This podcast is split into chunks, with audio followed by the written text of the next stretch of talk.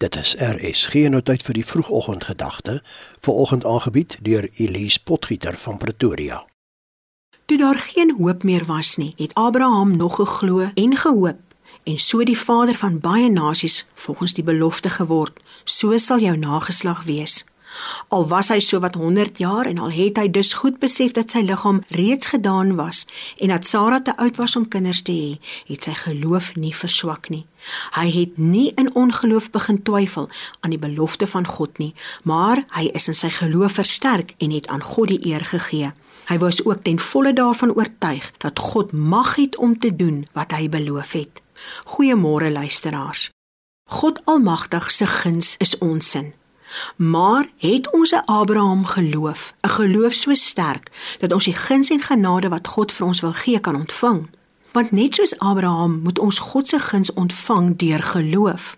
Geloof is die eerste en dan volg guns en genade. Die omstandighede het hopeloos vir Abraham en Sarai gelyk toe God beloof het dat Abraham die vader van menige nasies sal word. Hulle ouderdom en Sara se kinderloosheid was 'n feit. 'n Feit wat nie weggeredeneer kon word nie maar hulle het God se belofte in geloof ontvang en dit het God se guns op hulle laat rus. Toe God hulle geloof sien, het hy hulle geseën. Maar wat presies was hierdie geloof? Wel, dit was niks anders as vertroue in God se betroubaarheid nie. Abraham het God geken. Hy het geweet dat God nie 'n mens is wat van gedagte verander nie. Hy het geweet God sê ja is sy ja en sy nee is sy nee. En omdat hy God geken het, het hy geweet dat God die bron van alle betroubaarheid is. Abraham het so vasgeglo dat God sy belofte aan hom sou nakom dat die woord sê Abraham het Isak geoffer. Hy het geglo God Almagtig sou Isak uit die dood opwek om sy beloftes na te kom. En die res is geskiedenis. God se guns en genade het kragtig op Abraham en sy gesin gerus. Daarom moet ons glo dat God uit die dood kan red.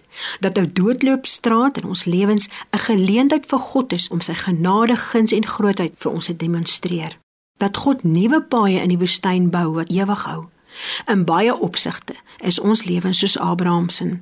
Somstyds lyk dit baie sleg vir ons, maar ons moet leer dat wanneer ons geloof met ander woorde vertroue het in die betroubaarheid van God, sy wil sal geskied, dat hy die God van genade en guns is.